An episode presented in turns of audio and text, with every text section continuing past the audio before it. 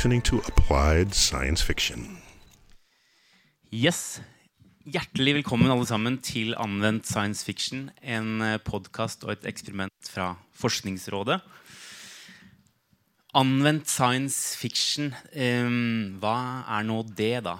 Det er um, en fascinasjon vi har hatt for den sammenhengen som finnes mellom vill fantasi og dagens forskning.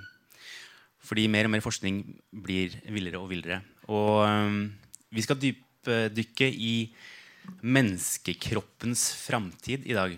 Og for å hjelpe oss å få en faglig forankring eh, et faglig forankret dypdykk inn i eh, fantasier om mennesket, så får vi hjelp av to fremragende forskere og en eh, science fiction-entusiast, tenker jeg vi kaller det. Det er Øystein Runde. Vi starter eh, med, med deg, Marianne Fien, ved Institutt for biovitenskap. En av de som var helt sentral i eh, de oppdagelsene som ledet til nobelprisen for uh, Moser-ekteparet. Velkommen til deg. Hva jobber du med, og hva er det som fascinerer deg aller mest i, i, din forskning akkurat i dag? Ja, nå virker min. Ja, det er bra. Eh, jo, så nå er jeg en forskningsgruppe her i Oslo hvor vi prøver også å forstå hva er det hjernecellene gjør, og hvordan virker de sammen under læring og også dannelse av minne, og prøver å manipulere med minner. Så jeg synes jo den, som jeg nevnte for deg da jeg ble invitert, den tittelen, 'Anvendt science fiction', er jo midt i blinken. fordi vi bruker noen av de teknikkene nå i laben for å prøve å forstå hvordan hjernen virker. Hvilke teknikker? Optogenetikk bl.a. bruker vi. Ting som er ja. Så, ja, som i dag, Vi bruker det hver dag, men for et par år siden så var det science fiction. For det var helt umulig å tenke seg. Eh, Opto høres ut som noe med lys å gjøre. Vi skal Ja. komme inn på det. Ja. Velkommen, eh, Marianne Fien. Det er en ære å ha deg her. Og eh, Sigrid Bratteli, du er seniorrådgiver i Bioteknologirådet og forsker og ekspert på genredigering. Og du hadde en T-skjorte på deg når vi gjorde en pilotinnspilling hvor det sto 'Spør meg om CRISPR'. Så da spør jeg deg om CRISPR. Skal jeg bare hive meg ut med det med en gang? Mm. Uh, ja, CRISPR, det har vel mange her hørt om. Det er Nei. Nei, da må vi forklare det litt grundig, da. Det er uh, en metode man kan bruke til å redigere eller endre på genmaterialet vårt. Og det kan man gjøre ganske målrettet og presist. Så det er veldig kort forklart hva det er for noe. Og, og hva gjør du i Bioteknologirådet? Jeg gjør veldig mye rart. Men eh, en av de tingene som er mest spennende, er jeg prøver å ha litt sånn overblikk over hva som rører seg liksom helt i front på teknologiutviklingen. Og det er innmari mye. Og hvis man ser tilbake på en del eh, sci-fi for noen år siden, så ser vi at det er ganske mye som faktisk har blitt virkelighet. Altså. Det som før var science fiction. Har du noen eksempler? Eh, ja, hvor skal man begynne? Altså Det med for eksempel en robotdress. Vi skal jo inn på det etter hvert. Det var jo før helt utenkelig. Eh, og bare det å endre på genmaterialet på den måten som vi gjør i dag, det var helt utenkelig før. Fantastisk å ha deg her også. Og eh, Øystein Runde. Du er tegneserieskaper og forfatter. Og eh, har skrevet eh, bok om stamceller. Og du er egentlig litt for smart til å være her, for du, er, du skal egentlig bare være liksom det dumme alibiet sånn, sammen med meg. Men eh, du, du kan jeg liksom på- Du har forberedt deg på å være dum. Og så ødelegger du alt Ja. på første setning du får. Beklager.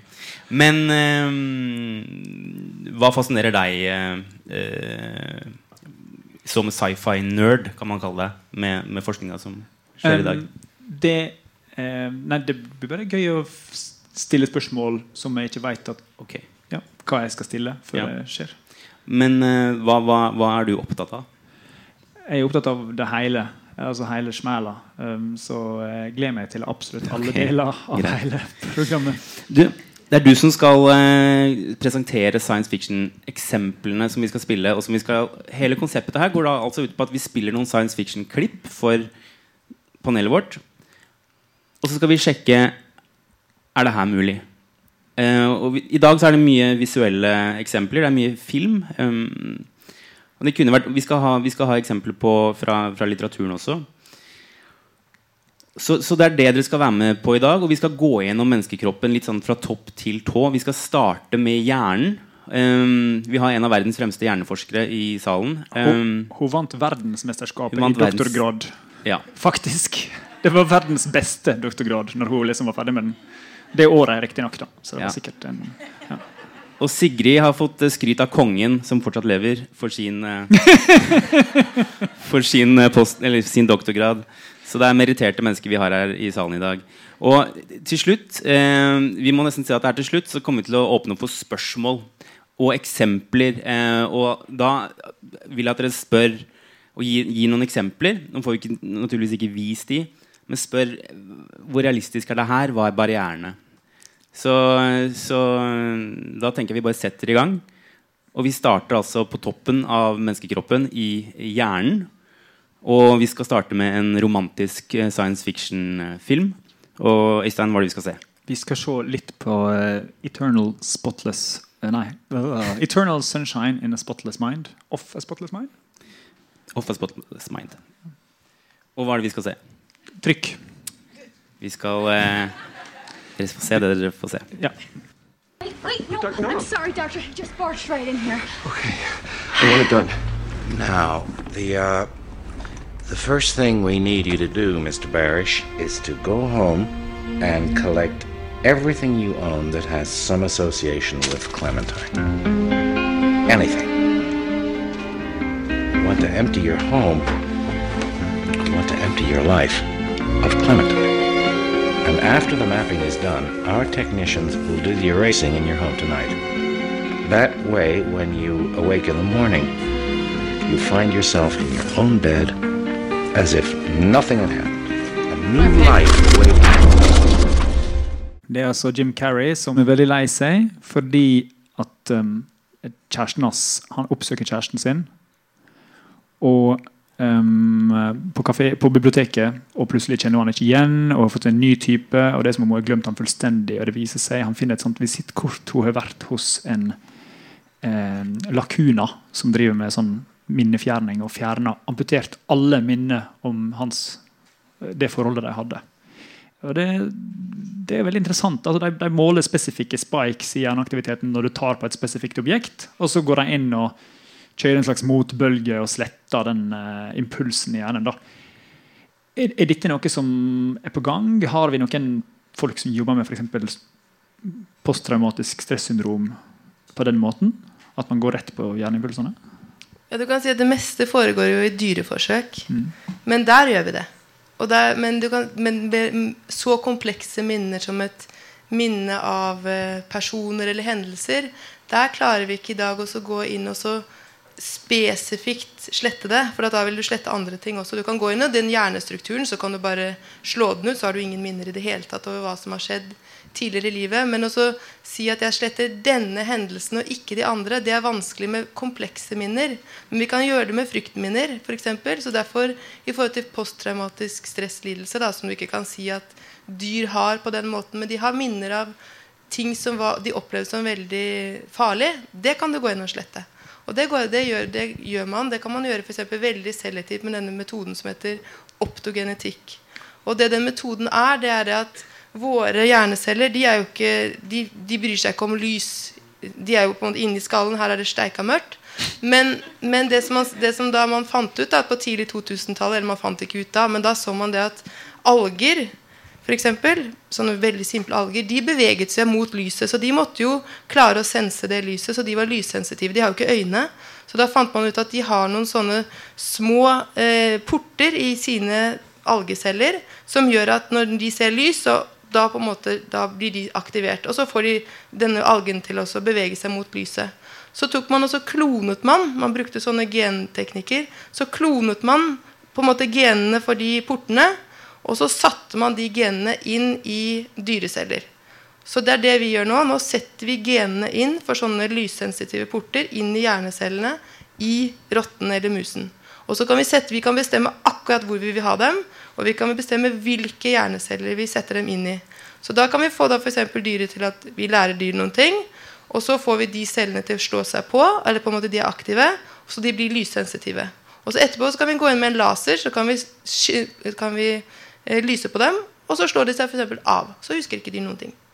Så ja, sånn gjør vi. Så du kan, du kan få til det Jim Carrey-greiene, men du må bygge hele Jim Carrey fra scratch?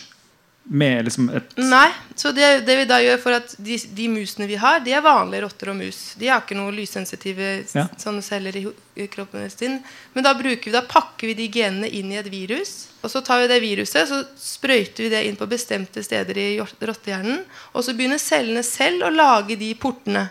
Så det er cellene selv som begynner å la, bli Så cellene blir lyssensitive. ja. Og da kan, så da, sånn kan vi på en måte bestemme. Så teoretisk så kunne de gjort det i menneskehjernen. Og man har diskutert det for noen typer lidelser. F.eks. Parkinson er det kanskje man tenker at det kunne vært en fin ting å gjøre. Men du har en del etiske utfordringer der i forhold til det å sprøyte inn virus for eksempel, i hjernen til mennesker. Det gjør vi ikke. Men i, i teorien så er det mulig, og det hadde, det hadde fungert. Det fungerer på alle dyrearter. Og hvis du hadde gjort det med meg, så hadde du altså først lagd et hull i kraniet. Eller ja, du må jo stikke den nåla inn. da på et eller annet vis. Må du, må du lage hull, eller kan det gå via øret eller øyet? Nei, du måtte, gå, du måtte lage et hull. For, lage hull. Ja, for de strukturene du snakker om der, de ligger kjempedypt. De ligger dypt inn i hjernen. Er det i, i hippocampus? Som er din uh... Ja, Det som er Jim Carrey her, det er, det er hippocampus-strukturen. Mens det vi holder på med, er enda, sånne mer, enda evolusjonært eldre strukturer. Hva det vil si reptilhjernen, som er liksom Ja, det man kaller for reptiler, der ligger jo også hippocampus. Men disse i limbiske strukturen, sånn amygdala og de Og hva er, hva er det de Det er de som gjør at de, der er de, de er veldig sensitive i forhold til å koble hendelser som er skremmende, Ja. med at, en eller annen atferd. Så det, det har Det er prim, det er primitive, grunnleggende. Ja, veldig primitive og alle greier. dyr har det. Alt fra All- ja. sånn til sånn. Ja, i hvert fall vertebrater og, ja, og ikke-vertebrater, egentlig. Altså med ryggrad. Mm. Du snakker om, om fryktminner, eh, og at de er veldig stabile. Og du snakket, Jeg så et foredrag hvor du snakket om at minnet et besto av noen stabile proteiner. Kan ikke du ta oss med inn i hjernen og, så, og så forklare hvordan ser et minne ut? Det kommer an på hvor du er. Så sånn, så det som er, er liksom, hvis man blander det med det som, er, det som vi ser her, med Jim Carrey, så blir det det er jo det man kaller for sånne minnelser av hendelser. og sånn. Det er veldig komplekse minner. Men fruktminner det er veldig enkle ting. Det er veldig enkel ting å asso- assosiere. Nå får jeg på en måte et lite Eller nå blir jeg skremt. Da gjør jeg et eller annet. Det er veldig enkle minner. Og da, De er stabile fordi at de endringene som skjer, er så store, og de er så langvarige. Og så har vi da sett på at eh, hvis vi lager sånne assosiasjoner, så klarer da dyrene også å huske dette fryktelig fryktelig lenge.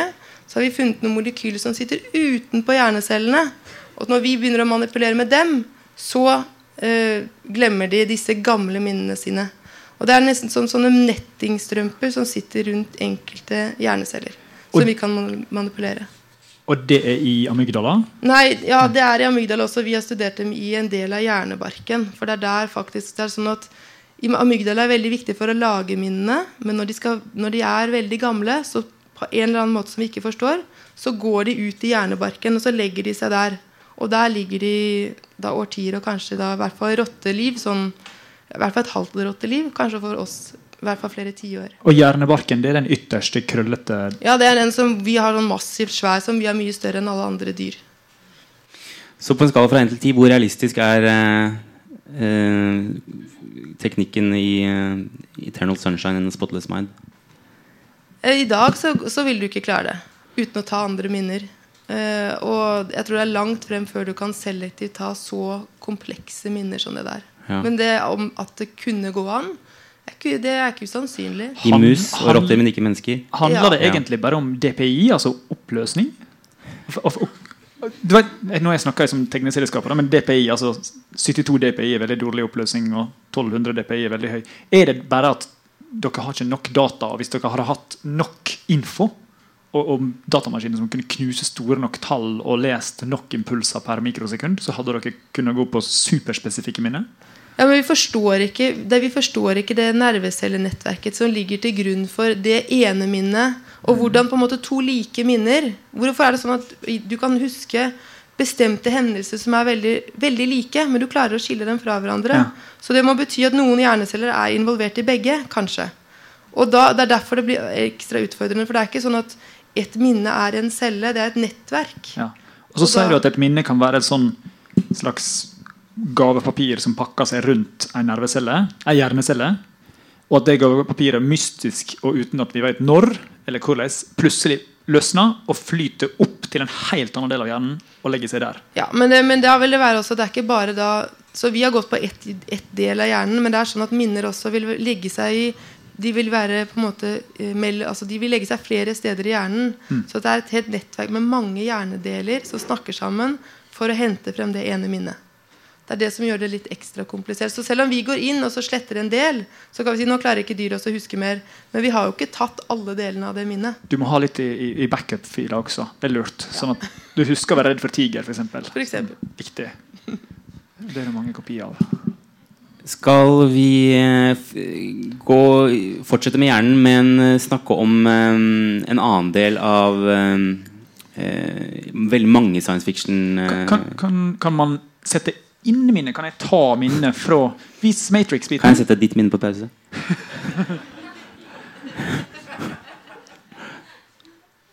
Jeg tenkte vi skulle se, se et klipp fra Matrix, nemlig.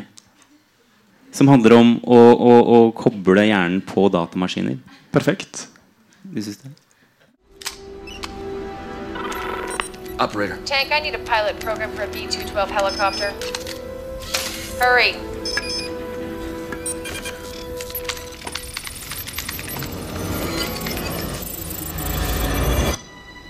Let's go.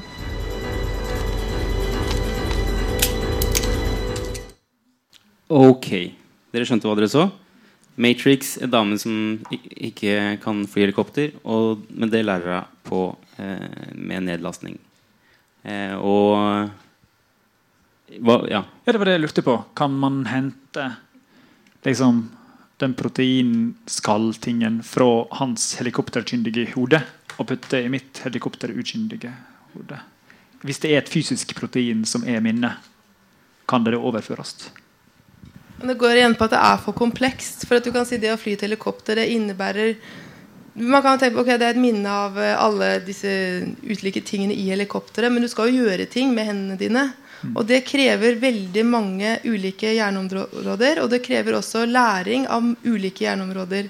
Så å klare på en måte bare laste ned, og så, så har alle de endringene skjedd som gjorde når du lærte, det Er det noen småting man kan på en måte installere av evner eller kunnskap? Kunne man eh, lært f.eks. et ord eller en sånn veldig liten bestanddel? Eh, eller er det, er det noe man kan på en måte få eh, lasta ned? Eller kunstig? Eh, det, jeg tror det handler mer om å oversette ting til elektriske impulser.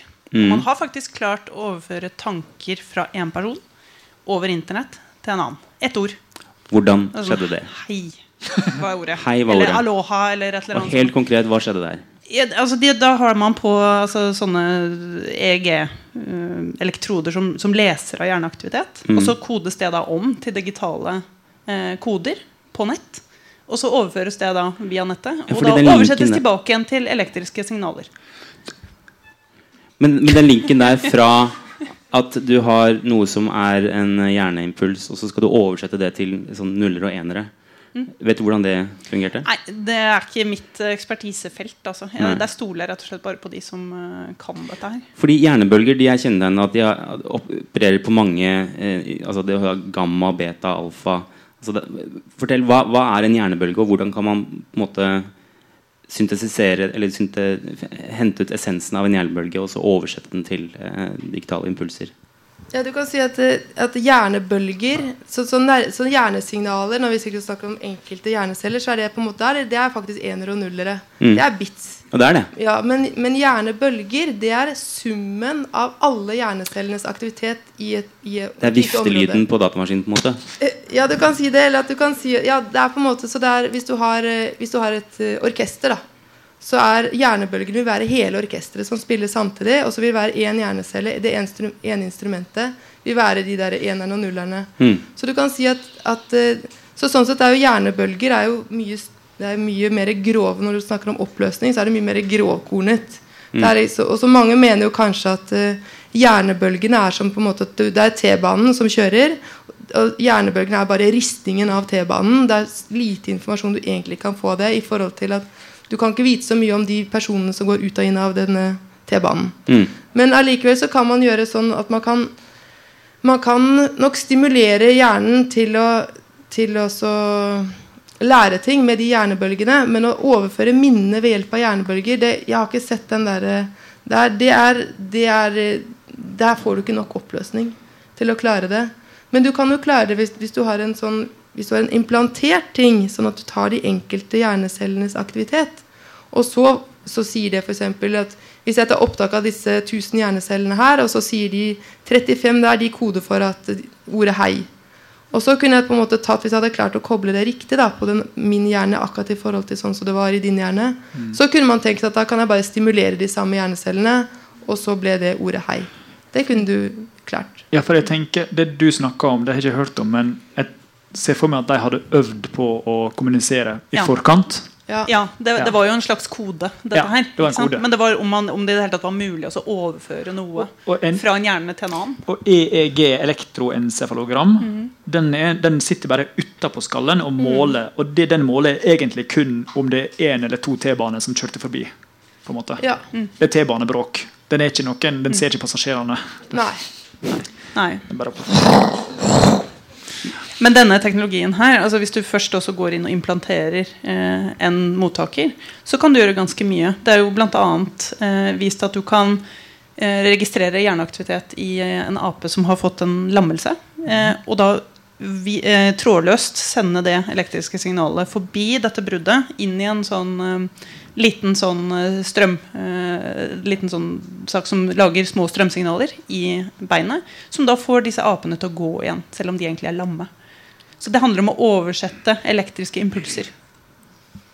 Og det samme er det, disse som du har ser Det er gjort på mennesker også. Hvor de på en måte bare Hvis de har lammet en arm, så kan du få personen til at hvis du har disse elektrodene på hodet deres, eller inni hodet, så kan de lese av hjerneaktiviteten. Så bare ved å tenke at nå skal jeg flytte den armen, den robotarmen, så klarer personen å tenke, så flyttes armen. Da må du trene selvfølgelig forbindelsene mellom denne Ja, når du mister hele armen og fått sånn cyber. Ja. Og da kan du egentlig få selv om du er helt frisk, så kan du få på en ekstra robotarm. Eksempel. Det kan Og med tid og stunder så blir du jo vant Ja. til at den Ja, ja. også er en del av mitt system. Jo. Og da lurer jeg på hvor mange sånne ekstra kroppsdeler kan han ha?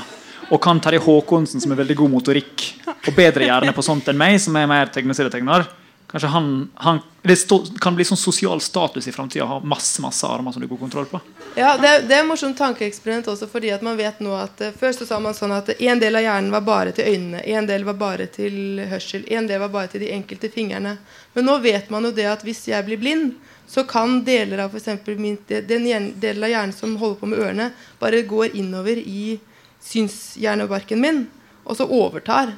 Og da kan man si at hvis du der får flere og flere armer, kanskje det er flere med større og større deler av hjernen min som bare blir til armer. Men du blir dårligere til å, til å eh, Kanskje, men det er, ikke, ja, det er ikke sikkert. Bare nye forbindelser. Apropos armer og kroppen. eh, Skal vi gå over til et eh, klipp fra Robocop? Den nye Robocop, faktisk, fordi den scenen her er helt super i forhold til eh, ja, Overraskende nok. Resten av filmen er ingen grunn til å plages med. Hva er det vi skal Men se? eh, kan dere skru av lyset? Lysmann? Vi skal se Robocop når han er, han er flykt... Det første han gjør, er å våkne i robokropp. Bare, han er politimann, og så har har kona skrevet under på at han skal få en ny kropp. Og så våkner han og har fått sånn tøff stålkropp, og han bare er ikke glad. Han er kjempesint og stikker av og hopper ut, for han er veldig sprek. Så blir han taua tilbake til senteret, og så får han en forklaring på hvorfor det ikke er lurt av han å stikke av, og hvorfor han ikke bør ta av seg den drakta.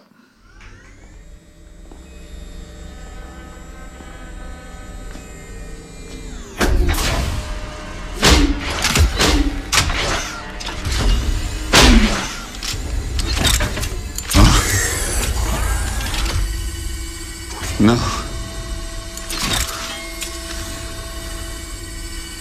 Holy Christ. Holy Christ. Holy Christ, there's nothing left. Holy Christ, sa han. There's nothing left. Um, eh, hvor, hvor eh, er dette der liksom så lite det går igjen å ha av et menneske? Hvor lite er nok? Jeg, liker logikken at jeg må ha lungene, for ellers så kunne han ikke ha snakka.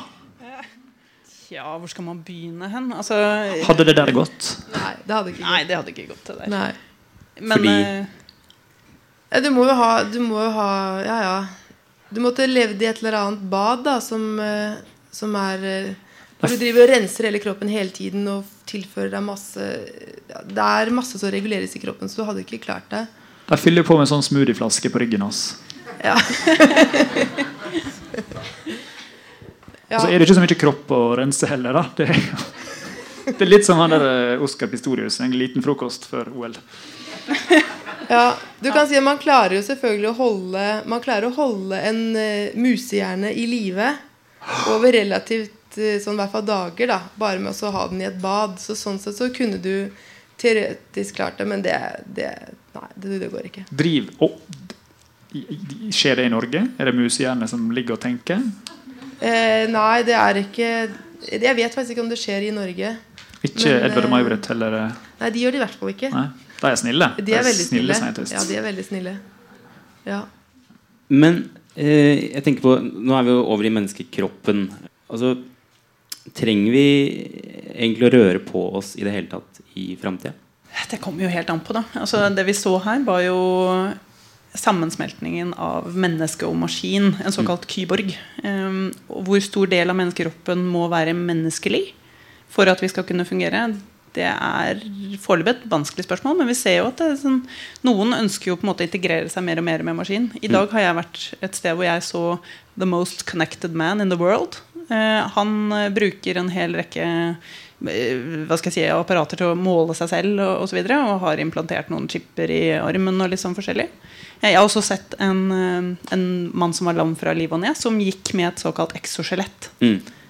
i dag. Og det er et eksternt skjelett. Det er en robotdress. Ja, en robotdress som gjør at du kan At du kan gå. eh, Gå at, du kan, mm, at du gjenvinner kroppsfunksjoner som du egentlig har mistet. Da. For det er jo, i, første omgang så er det jo deg, det er for folk som har en eller annen funksjonshemming, som vil få glede av dette først. Spørsmålet er om man også skal ta det i bruk for friske mennesker. Om vi skal bruke det til å gi et ekstra lem, f.eks. Eller Mm. noe sånt. Det, det er neste runde, tror jeg.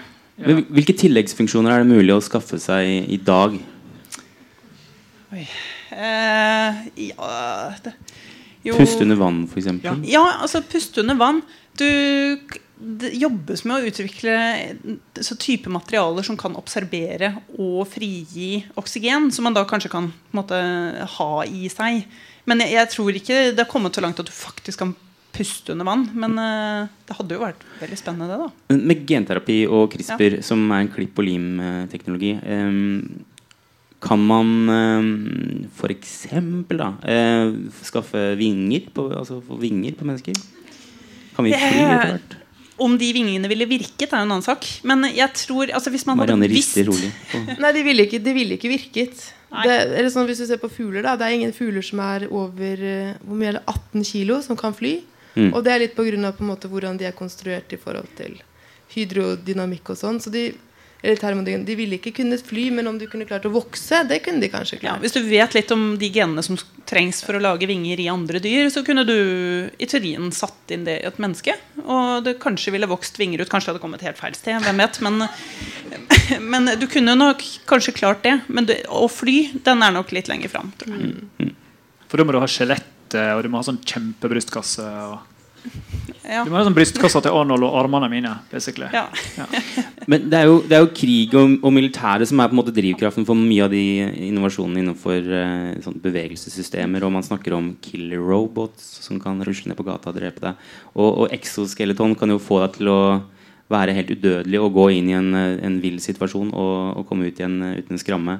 Eh, kan man med exoskeleton løpe i 150 km i timen, og kroppen er fremdeles med? Er det noen grense for liksom, hvor ekstreme bevegelser eh, et sånn eksternt eh, holdt på å si, verktøy eh, kan ta deg med på? Eh, Det er jo noe som utforskes, dette her. Eh, annet i USA så ønsker militæret å utvikle dresser som kan gjøre soldatene deres eh, raskere og sterkere og Eh, Jeg tror nok ikke vi har kommet opp i 150 km i timen, men, men er, jeg, jeg vil ikke utelukke at det var mulig. Hvis du får maskinen til altså Hvis du eh, måtte ta vekk den begrensningen som er vår muskelkraft, og bare la maskinen gjøre jobben, så kan det godt hende at det er mulig. Eh, nå er det jo mye beskyttelse det er snakk om. Altså skuddsikre drakter som eh, tåler kjempeimpact. Eller som kan hjelpe deg å løfte veldig tunge ting. For eksempel, hvis du skal gå langt med tung sekk på ryggen. At du slipper å bære det. Mm. Eh, I Russland så har de også laget en dress. De ser jo nesten ut som sånn stormtroopers. Vet du, de der eh, soldatene Mm. Så ja, det blir mer og mer robotikk. Jeg tror vi skal fortsette eh, til et nytt tema, og det er forplantningssystemet. Hvordan skal vi forplante oss eh, i framtida? Eh, det er mye science fiction om det. Eh, 'Handmaid's Tale' er en serie som går på TV akkurat eh, Heter ikke TV lenger. HBO. Om, eh, om, om eh, en sånn dystopin innenfor ja, dette med menneskenes evne til å, å føre genene sine videre. En av de mest kjente science fiction eh, bautaene, det er eh, den eh, Brave New World av Aldous Huxley. Ja, hun som skrev 'Handmaid's Tale', har skrevet forordet til denne utgava, som heter 'Fagre nye verden'. Ja. Ikke vidunderlige nye, for en gangs skyld. Um, jeg tror det skrevet et veldig godt forord til denne. Um, og jeg kan gå til, til uh, sekvens veldig tidlig med, med fødefabrikken. For det er ingen som har sex for reproduksjon. Alle har sex kun for å glemme at livet liksom, For å kose seg. I tapperommet var alt harmonisk travelhet og velordna aktivitet. Flika av frisk svinebukhinne, ferdig oppskåret i riktig størrelse, kom skytende opp i små heiser fra underkjelleren. Bzz og klikk, så sprang heislukene opp. Flaskeforeren trengte bare å strekke ut handa, ta fliken, stikke den inn og glatte den til. Og før den fora flaska hadde rukket å bevege seg utenfor rekkevidde på det endeløse båndet, klikk, hadde en ny flik med bukhinne skutt opp fra dypet, klar til å bli stukket ned i nok ei flaske, den neste i den langsomme, endeløse prosesjonen på båndet. Ja. Alle babyene blir lagd da, eh, kopiert i eh, 96 kopier for å få flest mulig like folk ut av et egg. Av en eller annen grunn så stopper det på 96. da. Og det, det, det, De regulerer med alkohol i vannet til de som skal bli underklassen, så de ikke skal liksom bli altfor smarte. Og de regulerer bokinteresse eh, for de som skal jobbe som proletarer, så ikke de skal bli sånn lesehester med støt og, og sånn. Og de regulerer til og med eh, kjærligheten til natur, fordi natur er gratis moro. Og kan ikke, det er ikke vits med folk som liker ting som er gratis. Fin bok. Men kan man dyrke fram mennesker i en tank? Ikke enda. Man kan ikke det, altså. Men man kan, hvis man ser på enkelte deler av reproduksjonsprosessen, så er det ganske mye vi kan gjøre. Um, altså, det jeg begynte å tenke på umiddelbart da du snakket om dette, var jo kloning av mennesker. Og det var litt sånn hot, eller en frykt som mange hadde for uh, 20 år siden cirka. Og det ble liksom ikke noe av, og det er vi egentlig enige om at det skal vi ikke heller drive med. Men nå er det jo reproduksjon. da, altså Assistert befruktning det har vi jo hatt ganske lenge allerede. Det er jo en måte å eh, overstyre de naturlige begrensningene som man har da, på å få barn. Men så er jo spørsmålet om man kan gjøre noe mer. Det skjer veldig mye på denne forskninga, og da må vi fort innom stamceller, som er eh, en teknologi som etter hvert får ganske stor betydning. Man kan f.eks. nå ta en hudbit fra et menneske og lage stamceller, som er celler som kan bli til alle mulige andre typer celler, og lage kjønnsceller av dem. Sperm har man fått til i mennesker. Eggceller har man fått til i mus. Og da er på en måte neste steg er å overføre det til mennesker. Eh, så det er jo selve på en måte opphavet, hvis man da kan løsrive det fra biologien. Så er jo spørsmålet om man da kan også dyrke fram et menneske, da, som jo man er inne på i denne boka. Eh, de første dagene eh, i løpet av et menneskes liv, kan holde, da kan vi holde et embryo i live på laboratoriet. Eh, og så jobbes det nå med å lage eh, såkalt kunstig livmor. Nå er ikke tanken med det at man skal kunne dyrke fram et helt menneske. Men i første gang så er det snakk om å kunne gjøre det for de som blir født prematurt. At man lager en slags, Det er nesten som en plastpose med, fylt med væske med de næringsstoffene man trenger. Og det har da blitt vist f.eks. på lam at man kan da holde de eh, i live, og da at de vokser som de skal inn i denne kunstige livmoren over tid. Så er jo da en del redde for at hvis man da kombinerer alle disse teknologiene, om vi da rett og slett kan ende opp der, da, at vi kan lage mennesker i laboratoriet. fra scratch. Jeg tror nok ikke det er så enkelt, men eh, det er jo ganske både spennende og litt skummelt, det som, alt det som skjer. Men kan man f.eks. unngå eh, hvis, hvis jeg har en arvelig sykdom, Mm. og så får jeg sånn prøverørsbarn, kan jeg da skanne alle de befrukta egga som blir laga, og så kan jeg kaste tolv av dem? Ja, det kan du. Dette er egentlig premisset for, for den filmen som heter 'Gattaka', som kanskje noen har et forhold til. Man da selekterer mennesker på bakgrunn av genetikken sin. Den teknologien fins jo. Den har vi jo hatt en stund allerede. Det heter preimplantasjonsdiagnostikk. Og det bruker man nå på arvelige sykdommer. Så hvis du har en genfeil, så kan du da sjekke genene på de befruktede eggene dine, og så kan du velge ut de som er friske. Eh, For noen så vil kanskje ikke det være tilstrekkelig, og da er spørsmålet om man skal ta i bruk genteknologi til å eventuelt reparere den genfeilen. Sånn at du Hvis kan, alle egga ja, hvis alle har den genfeilen, f.eks. ja. Mm. Så om du kan da reparere det. Og det er, det, det er jo en del som jobber med det nå. Det kom bl.a. en studie nå i sommer fra en forskningsgruppe i USA hvor de hadde brukt genredigering til å reparere en genfeil i menneskeembryoer som ga alvorlig hjertefeil. Så dette her, og da, men da da, du kan si at på et vis så Teknologien vil antagelig ikke være det som setter grensen her. Det er jo mer mm, etikk. Ble den babyen født, eller var det sånn Nei, nei dette, man har ikke, I de aller fleste steder så er det ikke lov å dyrke embryoer utover 14 dager. Så dette er jo ikke blitt noe menneske, men det gjøres forskning på det stadiet nå. Da. Men de var, eh, disse embryoene vokste som de skulle fram til det punktet. Så det, sannsynligvis så ville det jo kunne bli et barn av det. Er- Men skal vi gjøre det, eller skal vi ikke? Det er det mange som har Men sånn meninger. teknisk sett, hvor, eh, hvor Du sa at det var mulig å starte å dyrke, og, og til et visst punkt så, så, så gikk det greit. Hvor er det det slutter å gå bra? Bortsett fra etisk, da. Eh, det, fram til veldig nylig så har man ikke lykkes med å holde et menneskeembryo i live lenger enn eh, to uker i laboratoriet. Men i fjor så var det plutselig to forskningsgrupper som klarte det, og som nå dytter på den grensa. Men så er det jo lovene da, som setter grensen, fordi vi har ikke lov til å dyrke de lenger enn to uker. Så nå er det diskusjonen om man skal på en måte flytte den grensa for å se om vi klarer lenger eller ikke. Er det, her er det her teknologi man kan, eh, man kan, ha, kan kjøpe altså Kit på eBay? Er det noe man kan gjøre på kjøkkenet? Nei, IVF kan du ikke gjøre på kjøkkenbenken. Altså. Det, men, men genteknologi det blir jo mer og mer tilgjengelig. Men ikke på menneskeembryoer. da. Eh, Men på mikroorganismer og sånt så kan du gjøre det hjemme på kjøkkenbenken. Du kan lage din egen sjøllysende celle. eller noe sånt Det fins et sånt kit for Ja. å putte det genet for å lyse i mørket, eller lyse under UV-lys inn i ting. Og det er en sånn heimekit. Ja. Det kan bli blå og se ut som en avatar? Ja, det er gjærceller som eh, lyser, lyser grønt i mørket, som du kan da bruke til å brygge øl, f.eks. Eller bake brød. Hvordan kan man eh, med en sånn kit på eBay modifisere seg selv? Hva er mulig? Nei, det, det er nok ikke bare bare å modifisere seg selv. Fordi som Marianne var inne på tidligere, altså hvis du skal ha noe inn i cellene dine For du må jo inn i arvestoffet i dine egne celler. Så er det jo det som stopper opp. Da Da må du ha et virus for eksempel, hvor du pakker det inn. Og det er ikke bare bare. Så det er ikke så enkelt. Og så er det også det, det der med Ja, nå var det ikke med. Jo.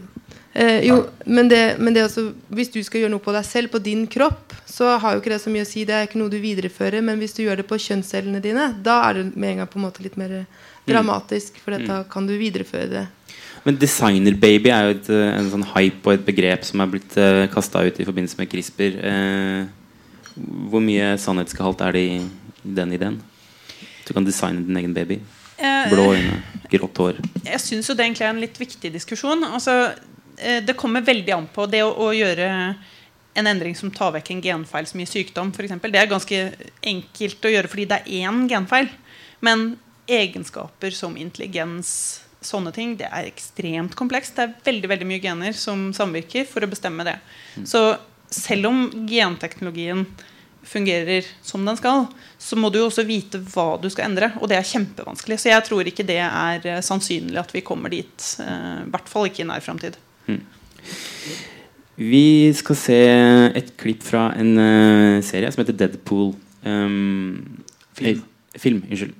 Og eh, det her handler for så vidt om eh, det å eh, gro ut kroppsdeler på nytt hvis de har forsvunnet av en eller annen grunn. Deadpool han er jo den kreftsyke superhelten. Det er hans gimmick. Han har alt, kone og, og godt liv, og så plutselig får han alvorlig kreft med spredning. Og for å bli frisk så går han gjennom en særs eksperimentell behandling som gjør han til en sånn rynkete paprika som har vært for lenge i kjøleskapet. Men også gjør at han blir udødelig fordi eh, når noen hogger av han ene hånda, så skjer dette her. Så kan vi vise klippet. Looking for roommate blind to life's imperfections. Must be good with hands. Or would you rather I build the IKEA and you pay rent? Why such a douche this morning? Let's recap. The cock thistle that turned me into this freak slipped through my arms today. Tylenol PM? You'd stick that where you stuck the Bactine. I raided my stash of wisdom tooth Percocet, and I am orbiting fucking Saturn right now. but I appreciate the gesture. Am I crazy? Or is your hand really small? About the size of a KFC spork. Ja. Til dere som eventuelt hører på dette på radio, så var det altså da en eh, kreftsyk mann som hadde en veldig liten eh, babyaktig arm, som hadde, eller hånd, som hadde grodd ut. Som han koste Jeg vet ikke hvem den karakteren han koste med var. blinde roommaten til Han er så utseendeengstelig at han har fått seg en blind roommate. Mm. Stakkars Deadpool. Men dette å gro ut eh, nye med med stamceller, f.eks. Eh, teknologi eh, Gro ut eh, nye kroppsdeler hvis de har forsvunnet eh, av en eller annen grunn. Et øre en, et, Hvis du har gått på en mine i, i en krig, f.eks. Det å, å gro ut nye kroppsdeler. Eh, realistisk eller helt urealistisk? Eh, altså såkalt regenerativ medisin, som dette er, det, det er ganske mye man kan få til etter hvert. Eh, I hvert fall sånn proof of concept-stadiet nå. Eh, man kan jo annet dyrke altså et, En arm er jeg litt usikker på om du kan må få den til å vokse ut fra din egen arm. Men du kan jo bl.a. printe Det har blitt printet et øre, f.eks. Uh, som man da kan Som ble festa på en transplantere mus? på. Som ble festa på en mus, eller ble grodd fram oppå en mus? Eller er det noe annet? Eh, ja, ja det, det var vel noe litt annet. Men de har Ok. altså printa ut et øre med brusk og hudceller øre? og. Ja. Printa de hudceller Altså, det, det, var noen, det var noen som så på altså, sånn helt vanlig blekkprinter. Den, den der dysa Den er omtrent like stor Altså En blekkdråpe er omtrent samme størrelse som en celle. Så de tenkte at vi kan printe celler. Så da, og så kan du ha forskjellige typer celler. da, ikke sant? De forskjellige kamrene, Og så kan du da eh, printe det. det jo, du kan si at komplekst vev, sånn noen av organene våre er veldig sammensatte. Det, det er ikke mulig enda. Men ganske enkelt vev, altså hjertevev f.eks., med celler som da blir printa ut i hjertevev, de slår som et hjerte. Og det kan man da bruke til å transplantere til folk som har hatt hjerteinfarkt, f.eks. Eh, Hvor, lang, hvor mange år er vi unna at det, det der er på en måte helt vanlig? Helt, helt, nei, helt vanlig. Nei, altså jeg tror ikke det er så veldig lenge til, til den typen teknologi kan tas i bruk. Det, det gjøres jo forskning veldig mange steder, bl.a. i Oslo, på dette. Å bruke da printer til å printe vev. Men når det gjelder altså hele organer, så er det også litt lenger unna. Eh, men der har man teknologi for eksempel, som å dyrke det fram i laboratoriet. Eh, på andre måter. Eh, ja, man kan også dyrke det fram i griser potensielt. Menneskeceller i gris.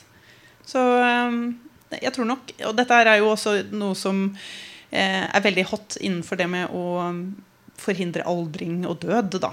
Eh, så er regenerativ medisin eh, veldig populært. Mm. Så um, Eh, Hvem er de folka i Oslo som printer snacks? det sitter noen folk på Rikshospitalet. Navn? Joel Glover. Joel Glover. ok. Ja. Joel Glover. Han printer hjerteceller. og Facebook friend request Ja. Um, ja, Cecilie Gjære og Kamal Mustafa sitter jo i Bergen og uh, har en, kjøpt en kjempediger 3D-printer som kan printe bein. Mm. Og Da printer de beina av bikalsiumfosfat, og så soaker de det i stamceller fra pasienten sjøl, Mm. som i tilfelle nå er en minigris. De printer ut en 3 cm lang sånn tverrsnitt da. Som, som gikk og erstatta dess. Det var de som gjorde det. Det, var de, det er de som er skurken.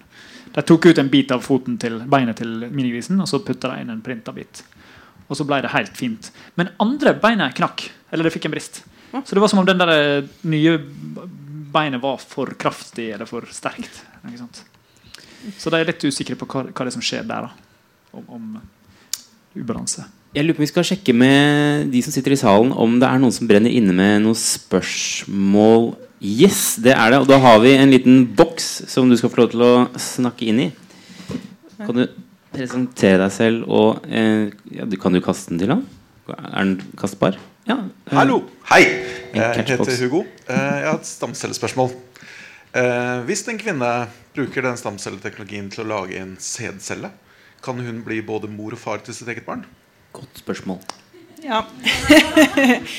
eh, I teorien så kan hun jo det. Altså En kjønnscelle inneholder bare halvparten av arvestoffet til en vanlig celle. Så den kan jo, hun kan godt lage en, en spermcelle. En spermcelle kan godt ha X-kromosomet, som er kvinnes eh, eh, Som er en kvinnes kjønnskromosom.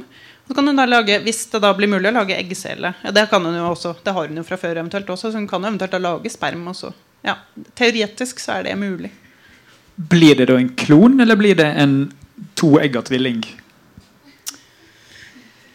Eh, det kommer jo litt an på altså Det blir jo i utgangspunktet en klon. Fordi du har jo det samme arvematerialet, men når du tar det fra et voksent menneske Denne spermcellen vil jo komme fra en hudcelle som allerede har eksistert ganske lenge. Så det vil jo ha skjedd endringer der genetisk, og du vil ha en del såkalte epigenetiske endringer også. Altså at, uh, hvordan genene er av og på osv. Som nok vil påvirke det. Så det blir jo ikke helt likt. Det var et spørsmål på første rad her. Å ja. På, Kan vi forbedre kasteegenskapene til Øystein med genterapi? Hallo. Nei, det var, ja, det var egentlig her aller først. Oh, ja. Hvis vi tar den som var uh, forsøket. Og så kommer vi der. Inn i den, Inn i runde. den eh, tingen. Ja. Eh, Jeg lurte på om på, på hjernen Er det mulig å koble sammen to hjerner eller to bevisstheter, sånn at de snakker sammen eller samtidig? Er det en ting Ja, at man kan da Man kobler sammen to eller flere hjerner, sånn at de jobber sammen fullstendig? Ja, Teoretisk så kunne du klare det, men, altså, sånn, du har, men, men vil, vil aldri ha klart det i dag. Men, men du ville heller ikke ha begynt på sånn bevissthet vet vi på en måte ikke heller hva er. For det blir også litt komplekst. Men at du kunne koble sammen det som har å gjøre med f.eks. bevegelse. da At jeg kunne koblet min hjerne med din, og så kunne jeg sikkert klart å overstyre den som beveger dine armer. Det kan jeg nok, det ville nok kunne gå an. Ikke sånn at vi kunne gjort det i dag, men at man kunne gjøre det på dyr. Det er mulig. Man kunne klart. Fantastisk. Bare kast bakover. ja. Yes. Hei, jeg heter Nikolai. Um, jeg er litt interessert i Dere har snakket om artificial intelligence. Og så tenker jeg liksom på Elon Musks den der greia han skal drive med nå. Neuralink. Neuralink, ja. Og hvordan vi skal få integrert oss med artificial intelligence så det blir liksom en ekstensjon av oss istedenfor en separasjon fra oss. For det kan bli farlig, tenker jeg. Jeg er litt interessert i deres Så spørsmålet er hvor realistisk er det prosjektet hans? Ja, hvor realistisk er det prosjektet? Hvor er vi der, liksom? Ja. Det er altså. Kjenner du til Neuralink? Ja, jeg kjenner til det, men jeg kan ikke veldig mye om det. Nei. Nei. Du kjenner godt til det? Ehm, jeg har ikke lest ferdig den kjempeartikkelen som jeg sendte alle andre i går kveld.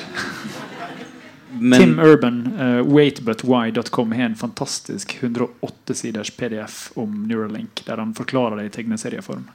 altså ideen hans er eh, kort fortalt at hvis vi, eh, hvis vi ikke kobler oss sammen med annen type altså datamaskiner, så vil eh, kunstig intelligens være en såpass stor trussel at hvis ikke vi blir på en måte eh, overlegne eh, og henter det beste fra eh, eksternt minne, ekstra prosessorkraft, så vil vi tape. Så Neuralink er da en link mellom eh, den bio biologiske hjernen og en digital eh, hjerne. Eh, og det var vi jo inne på i stad, å snakke om eh, hva, hva består et hjernesignal i. Vi, vi kom litt inn på, på hvordan en, en datamaskin og, hjernen kan snakke sammen. Men det, det skjer gjennom synapser. ikke sant? Eh, så så hvor er det, hva, er liksom, hva er det kritiske punktet for å lykkes med samspill mellom det digitale og, og eh, den, en digital eh, en datamaskin da, og hjernen? Jeg tror, eller sånn som det, det, det vi snakker om på en måte med det å flytte en arm og dette her, det er jo det er mulig. For det er jo relativt enkelt. Det å bare kode disse på eller av hjernesignalene er veldig simple sånn sett. Bare på av. Det er frekvenser, og det er hvordan de fyrer. Det er ikke så vanskelig. Men fra der å gå til det som han ønsker å gjøre, med på en måte hele hjernen. For dette er det så utrolig mange Det er jo da én milliard hjerneceller hver, og de har 10 000 kontaktpunkter. Og så på en måte så prøve å forstå alt hvordan dette virker sammen. Og så er det også en annen ting som maskiner da Selv om du klarer, de har klart å komme ganske langt i forhold til å machine learning og, og lære lære en maskin å lære, det kan, man jo det kan man klare. Men det er så utrolig mange andre prosesser som skjer i hjernen vår. Med, for det første er jo alle hjernene våre litt forskjellige. og det er, på, det er forskjellige nivåer. Hjerner, sånne gener slår seg av og på hele tiden. Og masse forskjellige stoffer som går mellom dem. Så det, det kan jeg ikke se at han kan i det hele tatt klare. Men det, man kan jo ikke si aldri, selvfølgelig. For det, det som er så snålt, er at hjernen er elektrisk i måten den funker på, men den er også veldig fysisk i form av disse her proteinene som legger seg her og der. Når skjer overgangen fra elektriske signal til protein? Det, det er, det, altså, hjernecellene de sender signaler, det er elektriske signaler. Men for å overføre et signal til neste hjernecellen, så er det en kjemisk overføring. Mm. Så da på en måte kommer det elektriske signalet, og så går det via den synapsen til et kjemisk signal som går over til den andre hjernecellen. Og da i tillegg til det så er det jo kjemiske signaler som virker over hele hjernen. Så det er, det er mange sånne nivåer av det der. Uh, ja. Mm. Jeg har et spørsmål til her. Uh, hei. Jeg skjønner at disse minnene og sånt er ganske komplisert og vanskelig å, å, få ut. og sånt Men jeg så um, en serie nå nylig der de på en måte tok minnene ut av hodet, sånn som typ her. Og så spilte de dem av igjen. Hmm. og med det så lurer jeg litt på Jeg skjønner at kanskje minner er litt for komplisert for oss akkurat nå. I hvert fall de mer kompliserte minnene. Men kunne man på en måte koblet seg på synet, f.eks., og tatt ut For det må jo være elektriske signaler som går ut til hjernen og omformes da før eller senere til, til minner. da eh, Ta det rett ut og, og, spille det av som en video på en PC-skjerm. Er, er, det mulig? Ja, det har de gjort. Det har det er gjort det en gruppe i Berkeley som har gjort det. Og hvor han har på en måte har kodet Det, det er lest av, Hos mennesker har de lest av hjernesignalene i synshjernebarken. Og så har de litt, måtte på en måte hjelpe litt til med simuleringer. Men da klarte de også å få ganske gode bilder bare ved å lese de hjernesignalene som kom fra synshjernebarken. Og det er heller ikke så rart, for det er ganske også relativt enkelt. Alle disse sanseområdene våre er ganske Det er relativt enkelt. Og hos dyr så kan vi på en måte spille av et minne. Det, jeg kan registrere i laben hva er det denne rotten her tenker på hvilke sånne hjerneceller som fyrer akkurat da, så kan jeg spille det av igjen. Og da på en måte er jo det minnet jeg spiller av. Så, men det blir også et relativt enkelt minne. Mm. Så, så, trikset hvis du skal ha avlytte folk sine minner, det er å ta dem mens de er ferske, da, før de har blitt til masse slegg og fanteri? Nei, for da er de ustabile. Ja. Du vil jo ha dem når de er skikkelig stabile. Altså de, men det har blitt til sånn proteinnettingstrømpe? Ja, men da er det, nettingstrømpe er bare for å bevare dem. Okay. Så da er, de, da er de bra. Men, men, det som er også en annen ting, er jo det at hver gang du henter frem et minne, så blir det labilt. Hva betyr det? Det betyr at da kan det endres. Så hvis, det noe, hvis du henter frem et minne, og så tenker på det, så endres det kanskje litt, og så lagrer du det tilbake igjen. Så det betyr at dine minner er jo ikke konstante. De endrer seg egentlig over tid. Så når man da snakker om falske minner Falske minner er jo ikke noe dårligere enn reelle minner. Det er, det er akkurat samme mekanismene som har skjedd. Så da blir det sånn, sånn Hva er da et minne? Det kan man også lure på. Det er jo bare en subjektiv, en subjektiv opplevelse av en eller annen hendelse som jeg hadde, som jeg kan endre som egentlig som jeg vil. da Og andre kan endre det for meg. Mm. Vi skal begynne å runde av. Eh, ett eller to spørsmål til. Ja. Uh, jo, altså Jeg tenker, jeg fikk en idé. Det var Ok, Du har folk som klarer å styre objekter med, bare med hjernen. sant? Uh, og styre tastatur og sånn. Uh, folk som er lamme, og, og Stephen Hawking og sånn. Men hva med hvis altså Går det an for hjernen å, å vokse inn i, um, inn i et grensesnitt? For, som, som en slags dataskjerm?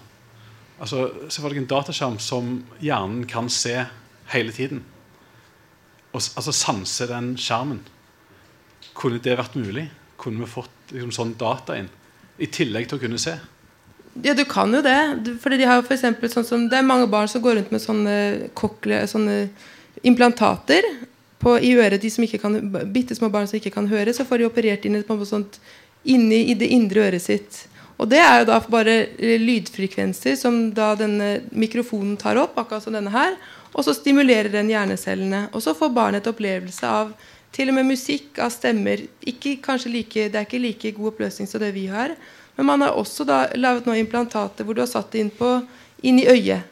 Så da, har også, da kan du også sette inn implantat hvor du kan stimulere på en måte, Jeg kan på en måte omforme da de lyssignalene jeg ser, til elektriske signaler. Og så kan det kobles da tilbake til hjernen. Og så vil jeg se litt. Jeg ser kanskje bare konturer av ting. Jeg kan se lys, men ikke kanskje, jeg vil ikke se så fine konturer som det jeg kan se. Men der er du jo på vei til egentlig å gjøre det. da.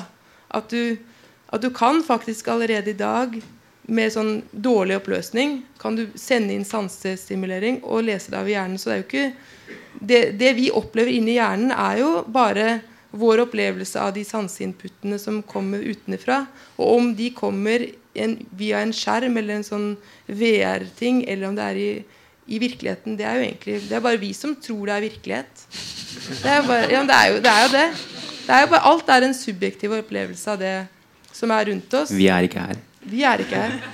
Vi bare lures. Ja, okay, men, okay, okay, men da, hvis du hadde kobla hjernen til en skjerm, da og se at på den skjermen så, så, uh, du, så viser du da uh, det samme som øynene ser. Alt som øynene ser blir tatt opp i en harddisk og blir vist på den skjermen. At du kan hente frem all informasjonen på den harddisken. Samme med lyd, alle lydene du hører. På en ekstern harddisk, altså. En sånn hatt du har på hodet. liksom. Eh, og da kan du jo egentlig eh, browse i liksom alt du har sett i livet ditt, hvis du har, starter med det allerede som liksom, eh, tidlig voksen. eller noe sånt. Ja, I teorien så kan du det, men hvis du tenker på det datalagringsutfordringen du har der, så er det ganske utopisk. Direktivet. Det er, ja, Bare sånn, et sånn lite museeksperiment som vi gjør i laben vår, så får du kanskje du får terabyte med data bare på en times opptak. Og det er bare en liten del, bitte, bitte liten del av en musehjerne. Kanskje sånn én millimeter. Ja, det er det. Må bruke en del sånn der eh, compressed sensing og litt sånn. Så kan. Men jeg tror det er lang vei. må dessverre begynne å, runde av. Eh, helt til slutt så skal vi inn på en, eh, en kort dystopi. Og så vil jeg høre en liten sånn, hvor, altså, sånn utopisk visjon fra dere to. Hvor ser dere for dere framtidsmennesket og menneskekroppen? Er det kun at vi har sletta ut sykdommer, eller er det at vi hvordan bedrer livskvaliteten vår seg gjennom forskninga? Så skal vi først se et klipp fra en, ikke en science fiction-film, egentlig, en tegnefilm. Uh, litt fjollete eksempel, men det viser på en måte et sånn skrekkscenario på hvor vi kanskje er på vei som mennesker.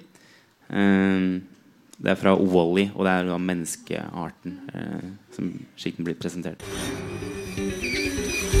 haven't all morning, so let's hover over to the driving range and hit a few virtual balls into space. Now we did that yesterday. I don't want to do that. Well, then what do you want to do? I don't know. Something. Wow.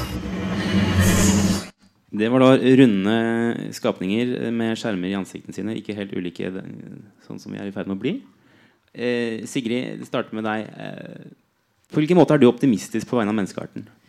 Eh, jeg, tror, jeg tror jo vi kommer til å bli påvirket av all den teknologien vi omgir oss med, i større og større grad. Men jeg tror og håper på et eller annet nivå at vi klarer å være litt fornuftig i hvordan vi bruker det. Jeg tror ikke på det scenarioet i Wally, -E, at vi bare sitter der som sånne potetsekker og ikke gjør noe. Jeg tror at vi vil noe. Jeg tror veldig mange vil noe med f.eks. bærekraft og, og, sånn. At vi, vi klarer å ta i bruk teknologien på en god måte. Men vi er nok ganske annerledes om noen hundre år enn det vi er i dag. Det tror jeg. Synlig også? Synlig annerledes. Det tror jeg nok. Hvilket, øh, hvilket type Er det sånn at vi går rundt og er lykkelige hele gjengen? Altså Vi har fjerna all mental sykdom, og alt er greit? Nei, det tror jeg ikke. Det tror jeg er litt for komplekst. rett Og slett eh, Og du kan si at lykke Alt er relativt. Og lykke det handler også om litt sånn hva som er bedre enn det du hadde. Eh, og vi vil alltid streve etter Vi er ikke lykkeligere nå enn vi var for 50 år siden. Selv om kanskje levestandarden er høyere. Så alt handler jo om måte det relative lykkenivået. Og det tror jeg vi kommer til å fortsette å slite med. Så selv om vi har eliminert en del problemer, så vil vi nok fortsatt eh, streve etter noe mer og, og, på søken etter noe, tror jeg. Mm. Samme spørsmål til deg, Marianne. Jeg tror ikke mitt eh, Jeg tror ikke at det jeg kommer med som et eh, gjetting, er noe bedre enn noen av dere. Men jeg tenker sånn at den teknologien i forhold til sånn implantater for å hjelpe de som er blinde eller de som er døve og de som er lamme, det tror jeg helt sikkert vi ser. For der er vi på en måte på helt sånn grensen allerede. Men også fra det og så på en måte Så det blir på en måte behandle syke mennesker, men også på en måte forbedre vårt eget som et bedre selv. Det vet jeg ikke om vi Eller kanskje vi vil ha muligheten til det, men det vil være masse etiske diskusjoner frem mot det. Og så kan man jo til slutt spørre seg ønsker vi det. det ja. Men jeg har ikke noe bedre svar enn noen av dere. Hva sier du da, Øystein? Um, jeg ser for meg at vi kommer til å reise mye i verdensrommet ved hjelp av roboter først. Og så er jeg litt usikker på om vi har noe særlig om det er vits i å sende mennesker til verdensrommet av andre grunner enn for å ta vare på oss som biologisk rase. Da, I tilfelle det skulle skje noe sånn eksplosivt her. Du tenker vi ikke trengs? Vi trengs teknisk sett ikke, men jeg tror vi kommer til å flytte til andre planeter fordi vi sjøl vil. Mens robotene bare ja, whatever. Det blir en annen Kos episode. dere, gamlefar. Det, det, ja, ja. Vi blir liksom menneskerasen blir sånn den trivelige, litt skrullete bestefaren til det egentlige mennesket. Og på den eh, on that note så sier vi tusen takk for i dag. Tusen takk for at dere kom. Fantastisk hyggelig at eh, det var så mange som møtte opp. Eh, Vi legger ut det her på internettet så snart som mulig. Og igjen tusen hjertelig takk til Marianne Fien og Sigrid Bratli. Og bli værende. Det her er altså en del av forskningsdagene. Eh, om ikke jeg fikk understreket det. Og det er flust av eh, fantastiske arrangementer å få med seg. Så eh, gå inn på forskningsdagene.no og, få med dere det som, det som er. Tusen hjertelig takk for oss, og tusen hjertelig takk til deg, Øystein. Tusen takk til Andreas.